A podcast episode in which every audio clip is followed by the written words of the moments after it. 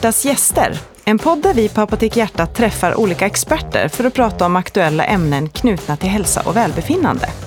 I just det här avsnittet pratar vi om sömn och sömnsvårigheter. Hjärtas gäster med Annika Svedberg, chefsapotekare på Apotek Hjärtat och John Axelsson, professor och sömnforskare vid Stressforskningsinstitutet i Stockholm. Sömn är en viktig del av livet samtidigt som allt fler verkar lida av sömnsvårigheter. Hur mycket sömn är egentligen lagom och vilka är de optimala sömnförutsättningarna? Hur påverkar sömnkvaliteten av till exempel kaffe och alkohol och skärmar inte minst? Och vilka är riskerna om man sover för lite? Det här och mycket mer hoppas vi kunna få svar på idag när vi har bjudit hit John Axelsson. Varmt välkommen till Hjärtats gäster John. Tack så mycket. Vi kan väl kanske börja med att eh, klura ut det här med varför vi egentligen behöver sömn överhuvudtaget. Vad händer i kroppen? Ja, det är ju mycket som händer under sömnen. Med tanke på att alla biologiska processer i, i, kroppen har en variation i sin aktivitet. Att de är generellt sett mer aktiva under dagen. När vi är aktiva och de belastas så kan man säga att nästan alla olika processer i kroppen och system behöver återhämtning. Och mycket av den återhämtningen sker under sömnen. Mm. Så sömnen är en absolut jätteviktig del för återhämtning för olika processer i kroppen. Och förutom återhämtning för våra organ och, och vår hjärna så behöver vi också förändra någonting, så anpassa oss. Så hjärnan arbetar hel, och kroppen arbetar hela tiden med att anpassa oss till den nuvarande miljön. Och där spelar eh, sömnen en jättestor roll också. Att, att finjustera nervsystemet och, och, och, göra musklerna starkare så de klarar av den högre belastningen om man nu har utsatts för det under dagen till exempel. Så att sömnen är en jätteviktig del åt både återhämtning och den här anpassningsprocessen som hela tiden eh, kroppen arbetar med. Både fysisk och psykisk Absolut. anpassning? Då. Aha. Spännande. Men eh, hur mycket är då lagom? Är det skillnad på hur mycket en kvinna och en man behöver när det gäller sömn, äldre och yngre? Ja, de stora skillnaderna är ju över livet, att de små barnen, de som har förändrad hjärna, där det händer mycket, de behöver ju mycket mer sömn. Och sen så sjunker ju sömnbehovet eh, över livet. Och då kan man väl säga att man kan behöva upp till 10 timmars sömn. Alltså, det är ganska vanligt hos många ungdomar, ända upp till sena tonåren. Eh, de ligger på 9-10 timmar. Men alltså vuxna är ju rekommendationer mellan 7 och 9 timmar är det, är det hälsosamma. Men visst, det är många som klarar sig på 6 timmar och det är många som behöver upp till 10 timmars sömn också. Men kommer man över, ligger man generellt sett över 9 timmar eller under, 9 tim eller under 6 timmar så är det en riskfaktor för att utveckla olika hälsoproblem. Så att ha de här väldigt annorlunda sovtiderna, sova väldigt mycket eller väldigt lite, så kan man säga att det är någonting som visar på att sömnen är otillräcklig eller någonting i sömnen som inte riktigt fungerar. Mm. Och, och, vad är det för risker man, eh, man utsätter sig för då, om man sover konstant för lite? Ja, de, de starka effekterna är, de är ju kortsiktigt eh, om man sover för lite eller har störd sömn. Att man, känner, man har ett sämre välmående, man känner sig tröttare, man orkar inte aktivera sig i saker, man kanske isolerar sig lite. Det finns ju sådana saker som, det är den här akuta effekten av trötthet som, som driver vad, vad vi gör och vad vi tänker och, och hur vi mår. Så det är de akuta mm. effekterna. Plus att man har en ökad risk då för eh, olyckor till exempel. Eh, och om man då inte kan upprätthålla koncentrationen och uppmärksamheten när man kör bil och, och i andra situationer. Så att man har en sämre förmåga till inlärning. Så det är de akuta effekterna. Sen långsiktigt så vet vi då att störd sömn ökar risken framförallt då för de kardiometabola sjukdomarna. Det vill säga att risken för att bli överviktig, för att utveckla typ 2-diabetes och hjärt-kärlsjukdom. Där har vi ganska stark evidens för att man ökar risken med någonstans mellan 10 och 30 procent kan man säga att utveckla de här sjukdomarna om man sover dåligt. Eh, mm. Sen om man har störd sömn ökar man också risken för att utveckla, utveckla depression till exempel. Och där kan vi säga, där har vi det starkaste stödet idag mm. för störd sömn. Mm. Hur mycket påverkas sömn av stress? Ja, det, kan säga att det, det, finns inte så jättemycket forskning om det faktiskt, vilket är lite konstigt. Men man kan tänka lite runt att, att stressa generellt sett under dagen har, har inte så speciellt negativa effekter på sömnen. Utan det är mm. frågan hur väl man klarar av att koppla bort den här stressen på kvällen när man ska sova. För att ökad stress och belastning ökar behovet av sömn. Så är man stressad och aktiverad under dagen så är det faktiskt så att många sover lite bättre. Mm. Däremot så finns det en hel del stöd och även experimentellt att man stör någon och stressar någon precis innan de går och lägger sig så sover de sämre. Mm. Så att det beror på helt vilken typ av stress det är, hur bra man klarar av att koppla bort stressen. Så personer som stressar mycket men kan koppla bort stressen på kvällen, de har inga, och kan somna lätt. Men vi vet ju då att de som rapporterar mer stress har också då läng, större problem och kanske har längre insomningstider. Så att det finns massa stark, starka samband mellan sömn och stress, men det finns inte så jättemycket bra forskning i ärlighetens namn. Mm. Och man ska tänka på att all stress är inte alls farligt, utan 99 procent av stressen är ju bra. Vi, den använder oss att fokusera och prioritera så att vi får saker utförda. Men då ska man tänka att man ska inte stressa på kvällen. Det är jättedumt att ligga i sängen och tro att man ska lösa problem eh, när man varit aktiv hela dagen. Det är ju en ganska dumt eh, kognitivt sätt att klara av problem till exempel. Mm. Och då kom vi in på, på saker då man inte ska göra innan man ska lägga sig och sova. Eh, och något som man ofta pratar om, gemene man på, på tillställningar, middagar, fester och så vidare. Hur, hur påverkar det här med rökning, alkohol och kaffe sömnen? Är det så att eh, det finns mycket forskning inom de områdena? Vi tar ja, kaffe till en början. Vi kan ta kaffe till en början. Kaffe är en av de absolut starka, det är, det är jättevanligt, världens mest vanligt förekommande drog kan man väl säga, i, i kaffe. Och kaffe har ganska starka effekter, att man blir piggare av kaffet. Eh, så att, men det är en ganska stor skillnad. De som dricker mycket kaffe har ju mindre effekt av det här. Men något som är helt nya studier som visar då det är att kaffet ställer, förutom att det gör oss pigga, så ställer det även rytmen. Så dricker man kaffe på kvällen blir man automatiskt mer kvällsmänniska. Så är man då kvällsmänniska, svårt att somna på kvällen eller vill vrida tillbaks dygnet lite, bli med morgon, då ska man absolut inte dricka kaffe på, på kvällen eller efter sex, sex på kvällen antagligen. Så det är helt nya data som då visar att kaffe på kvällen gör oss till kvällsmänniskor. Mm. Eh, och kaffet på morgonen hjälper ju många att bli lite piggare när man har den här sömntröggheten och man egentligen går upp i fel fas på dygnsrytmen. Eh, och antagligen är det så också, det finns inte så mycket studier, att det antagligen då har liknande effekter som ljus, att det ställer tillbaks rytmen också. Man blir mer morgonmänniska av kaffe. Det finns lite indikationer på det, men det saknas fortfarande bra studier som visar det. Men mm. antagligen har det samma effekter på morgonen som det på kvällen. Att ljus och kaffe på morgonen gör oss till morgonmänniskor och ljus och kaffe på kvällen gör oss till kvällsmänniskor. Mm. Hur länge håller den här uppiggande effekten av kaffekoppen i sig på kvällen? Vissa säger att de inte kan dricka kaffe efter lunch i princip, andra säger inte efter åtta på kvällen. Finns det Ja, det, kaffet har en ganska lång halveringstid. Så kaffet hos de flesta ligger runt 5, 6, 7 timmars halveringstid. Och då kan man ju då tänka, hur länge är de här effekterna kvar? Det är lite olika för olika personer. Har man druckit många koppar kaffe så har nästa kopp inte samma effekt. Men många har ju då en, kanske en effekt som är 5, 6, 7 timmar lång. Och då ska man naturligtvis tänka på att om jag ska lägga mig vid 9, 10 då ska jag absolut inte dricka kaffe kanske sju timmar in i klockan 10, 3 på eftermiddagen. Och där får man ju lära, lära sig själv lite hur, hur kaffedrickandet stör på kvällen. Det får man känna efter själv och det vet ju många ganska väl. Mm. Och hur är det då med alkohol och rökning? Hur påverkar det sömnen? Eh, alkohol har ju faktiskt en muskelavslappnande eh, effekt så att det kan hjälpa att man, man somnar lite. Men, men eh, alkoholen stör ju också även sömnen. Så att dricker man mer än ett, eller ett glas så börjar sömnen påverkas lite negativt. Att det stör ut REM-sömnen eh, bland annat och kan även ha viss påverkan på melatoninet. REM-sömnen, det får du Ja, REM-sömnen är det vi kallar för drömsömn på svenska, vilket är lite mm. missvisande för att man kan drömma i alla sömnstadier. Men REM-sömn är då Rapid Eye Movement-sömn och det är en sömnstadie där vi är helt paralyserade och man har ögonrörelser som rör sig. Man kan se det framförallt på barn som har väldigt starka ögonrörelser, att ögonen går lite oberoende av varandra och väldigt ryckigt eh, under ögonlocken. Och det kallar vi för, eh, för REM-sömnen eller drömsömnen på svenska. Mm. Och den är ganska viktig att få? Ja, den viktigaste sömnen är djupsömnen kan man säga. Mm. Det är helt klart. Mm. Eh, den, den, står för väldigt stor del av återhämtningen. REM-sömnen mm. och drömsömnen vet vi mindre varför den gör. Vi vet dock att den är viktig för vissa former av inlärning, som procedurminne till exempel. Vi är ju här, under REM-sömnen är vi paralyserade och det är då vi övar rörelser kan man säga. Så att eh, man blir bättre på alla former av rörelser. Så man återupprepar de rörelser man genomfört under dagen under REM-sömnen. Ah, intressant. Eh, men okej, okay, då, då, påverkar alltså alkoholen REM-sömnen. Mm. Ja. Eh, och man sover lite sämre beroende på antagligen hur mycket man dricker då, eller? Ja, precis. Ja. Så att, äh, dricker man lite för mycket och dricker man mer än något glas, då vaknar man oftast upp lite tidigare. Så, man får, så att alkoholet stör både REM-sömnen och förkortar sömnen hos många personer. Så man vaknar upp tidigare och kan inte somna om när man dricker alkohol. Mm. Rökning kan också störa sömnen, för att rökning gör att man var så konstruktionscentralt. Och, och, för att somna måste man vara bra på att reglera sin kroppstemperatur. Det här kommer, alkohol, det här kommer rökningen att störa hos vissa personer. Så att det kan bli svårare att somna om man röker på kvällen till exempel. Mm, just det. Um, nu finns det ju de som har väldigt lätt att somna, men vars sömn störs väldigt mycket av att man snarkar. Jag har eh, närstående som har sådana problem.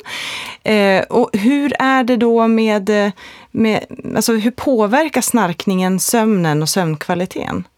Man kan säga att om en person snarkar så verkar inte det störa personen som snarkar i sig så mycket. Men däremot så kan, kan ju snarkare vara ett störande element för de runt omkring. Så att det, det, är absolut så att snarkning kan störa, men framförallt de runt omkring. Och snarkning i sig verkar inte vara kopplat till några, några negativa effekter hos vuxna. Där vet vi så att barn som snarkar kan, kan faktiskt påverka dem lite. Så att barn som snarkar har lite mer problem. Och, Eh, om man tittar i större studier så ser man att de som snarkar av barnen också har mer, liksom, mer problem i skolan och lite sådana saker. Så att det finns mm. samband. Men den stora effekten är att snarkning är också en indikator på att man har sömnapné, att man har riktiga andningsuppehåll. Så snarkning är ett förstadie kan man säga till de som utvecklar sömnapnéer. Och det är ju de här betyder... själva andningsuppehållen ja. under natten. Och har man då ett andningsuppehåll som inte är längre, då går ju syremättnaden ner i blodet och hjärnan. Och då, är, kan man säga, det, då sätter ju alarmsystemet igång, väcker upp hjärnan så att vi vaknar och sen kan andas igen. Och det gör man där återkommande under natten, ju längre mer man har det här. Så de som har sömnapné, för att få diagnosen klinisk sömnapné, då ska man ha minst någonstans mellan 12 och 15 uppvakningar i timmen. Och ha färre, det är ganska vanligt så. Men då behöver man behandlas kan man säga. Och vad är det för risker man utsätter sig för om man inte behandlar sömnapné? sömnapné har ganska starka effekter på dagtidsfunktion. Att man, har, man, man, har, man har blir mer trött dagtid och sen så har det en ökad risk för att utveckla hjärt-kärlsjukdomar framför allt. Men det är en ganska stark påverkan eftersom syremättnaden går upp och ner i blodet, aktiverar olika immun, immunfunktioner i kroppen och även alarmsystemet hela tiden. Så det innebär att det är svårt att komma ner i djupsömnen om man har de här uppvaknanden hela tiden. Så man får en väldigt eh, störd sömn kan man säga, att man hela tiden blir väckt under natten. Mm. Du, någonting som jag och väldigt många föräldrar funderar över som har verkligen blivit aktuellt under senare år, det är ju det här med skärmar. Eh, många av våra barn, speciellt kanske tonåringar, eh, håller på med sina iPhones och paddor och så vidare till sent på kvällarna. Hur påverkar det sömnen? Är det, det är det här blåa ljuset från skärmen, har jag förstått det som, som påverkar på ett särskilt sätt. Ja, det är lite, lite förenklat så, så så är det så att det blå ljuset har en ganska stark effekt på dygnsrytmen. Eh, så att allt form av ljus väcker upp oss.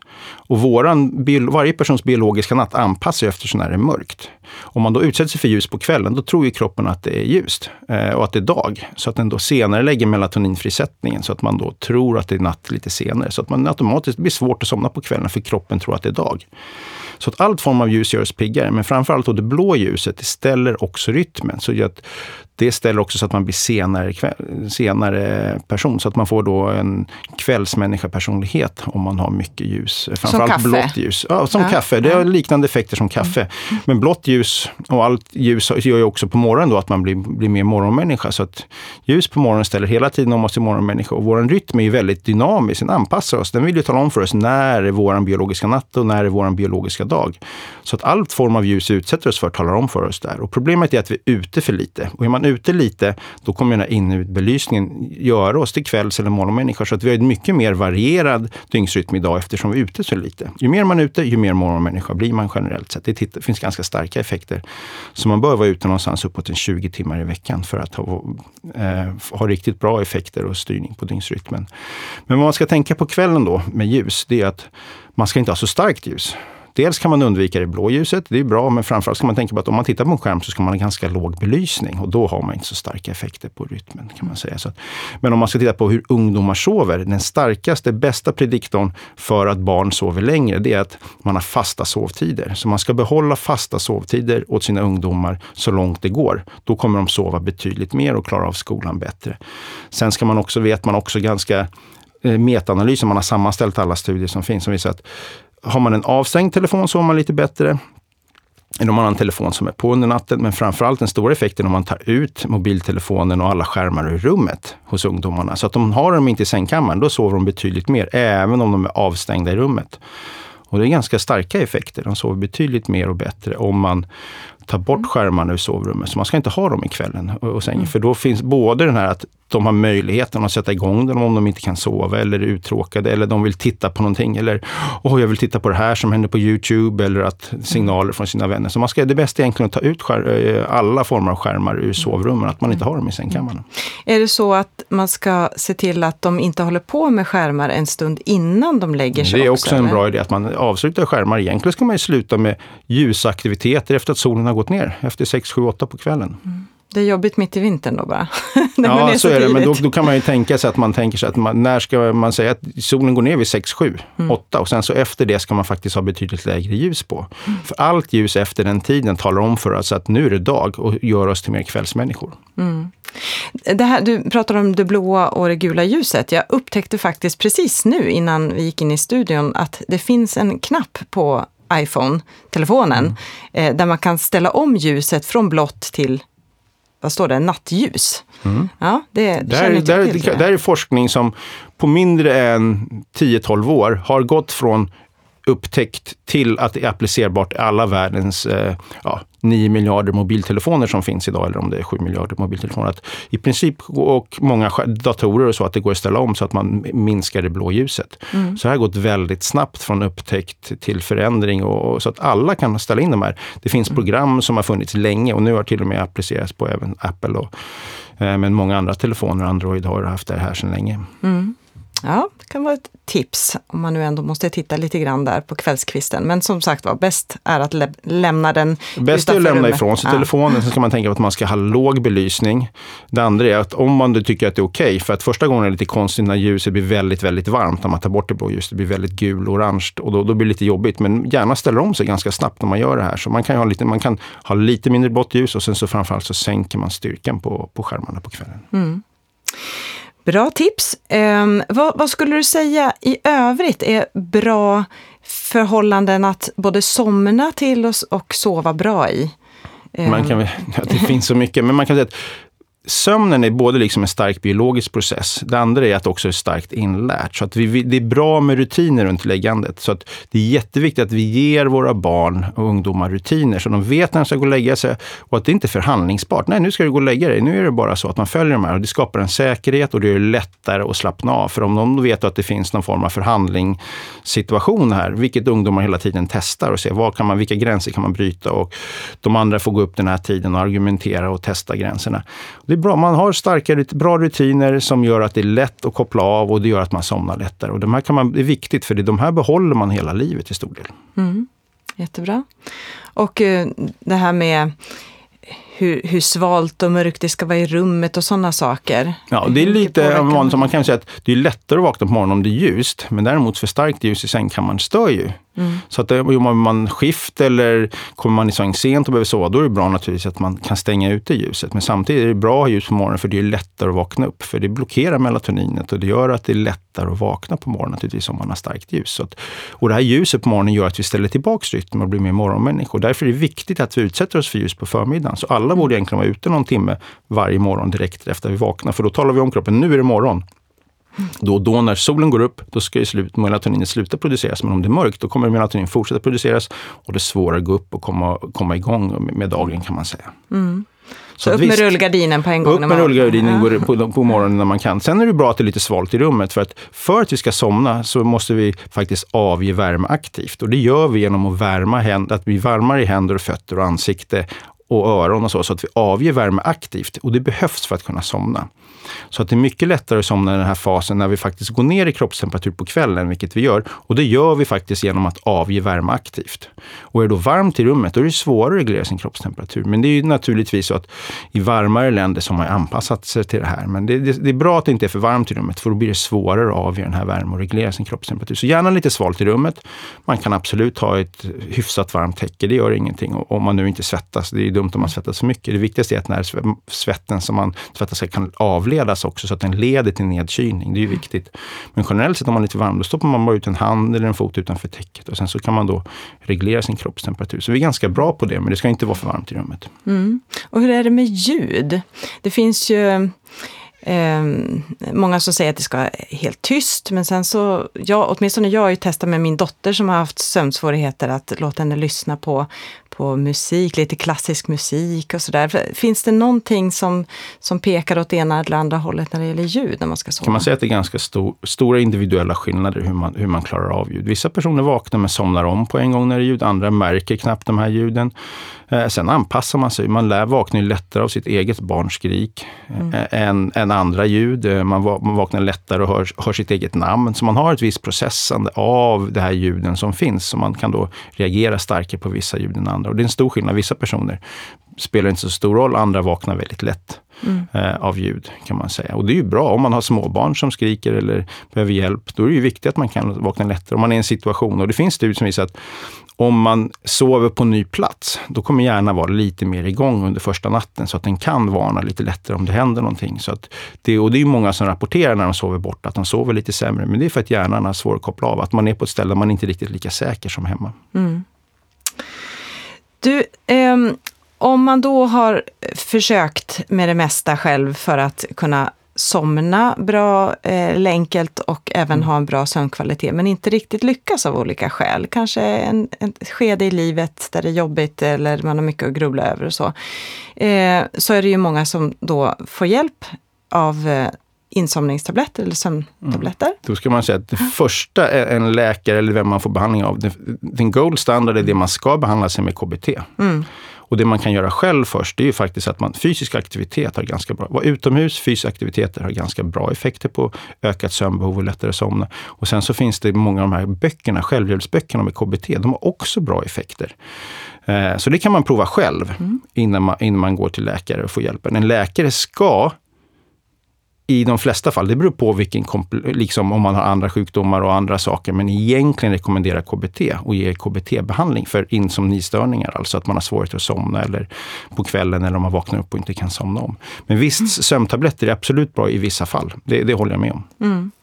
Och vad är nackdelen? Ja, det ena är att alla sömnmedel är till för att användas kortsiktigt. De utvecklar för att användas kortsiktigt eftersom de flesta av dem har tillvänjningseffekter över tid. Eh, förr i tiden så hade man de här bensodiazepinerna som hade en ganska lång halveringstid. Det innebär att de var kvar i kroppen under lång tid, även nästa dag. Så man var trött även, och seg även nästa följande dag. Man var jätteseg på morgonen. Mm. Och nu har man de här insomningstabletterna som är betydligt bättre. Men de stör ju också sömnen lite grann, men inte riktigt lika mycket. Problemet är att de också över tid har en sämre effekt. Man har tillvänjningseffekter och, och folk också använder dem på ett felaktigt sätt kan man säga. Att, ja, jag sov jättedåligt igår, nu ska jag ta en insomningstablett för att sova idag bra. Och så sover man bra nästa natt, men det är ju inte för att tabletten verkar, utan det är ofta för att man då har en sömnskuld sen dagen innan, vilket gör det lättare att somna i alla fall. Mm. Eh, men visst, många av de här insomningstabletterna, har, man, har det hänt något allvarlig stress och man under några månader behöver, då är det jättebra att använda de här sömntabletterna kanske, så man kan komma ifrån. Men nu börjar man med nya studier där man då kombinerar KBT med insomningstabletter. Och det, man kan säga det finns inte jättemycket resultat, men det tyder på att det har bättre effekter än att, eh, om man kombinerar dem. Mm. Och är man äldre ska man ju vara särskilt försiktig med framförallt bensodiazepinerna eftersom det stannar kvar väldigt länge mm. i kroppen. Då har vi fallskador och hela den riskbilden dagen efter mm. också. Mm. Hörde du, eh, det här med powernaps avslutningsvis, det är ju någonting som många eh, tycker känns väldigt bra. Om man har sovit lite dåligt på natten eller, eh, eller ja, vissa har det som, som en så daglig procedur att man lägger sig in 20 minuter, en halvtimme på eftermiddagen. Va, vad säger du om det? Är det bra eller dåligt? Det är ju fantastiskt bra. Ja. Jag rekommenderar powernaps eh, och korta tuppar för absolut alla, förutom de som har insomniproblem. Så har man svårt att somna på kvällen och har insomniproblem, då är faktiskt en del i behandlingen att man sover lite mindre så man kan somna lättare under en period tills man då har lärt om runt sömnen lite kan man säga. Mm. Men för alla andra så rekommenderar jag tupplur. Det är ett alldeles utmärkt sätt om man sovit lite dåligt för att kompensera. Det är också ett utmärkt sätt om man ska prestera och köra bil en period, att man förbereder sig med att ta en tupplur eller sova extra, extra länge.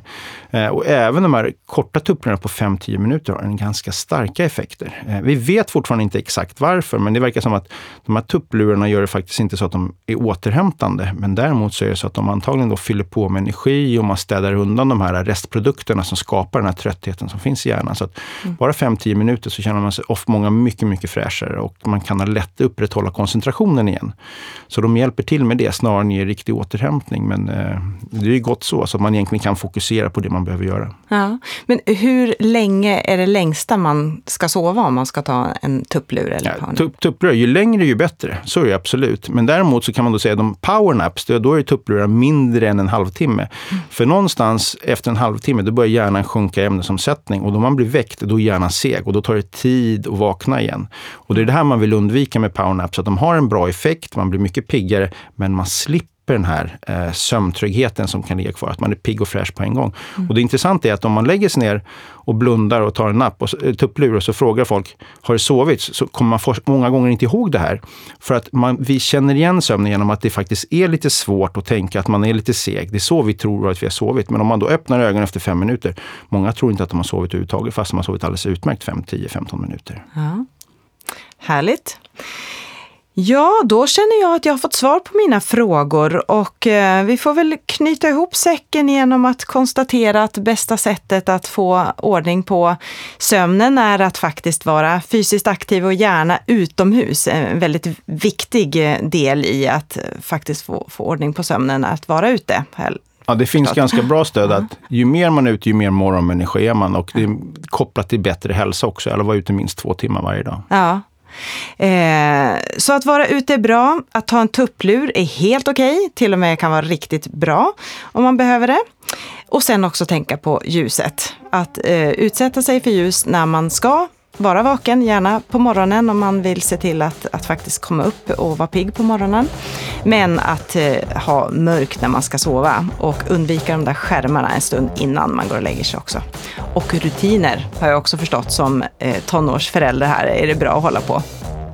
Så tack så jättemycket John för att du kom och delade med dig av dina kunskaper på området. Tack så mycket.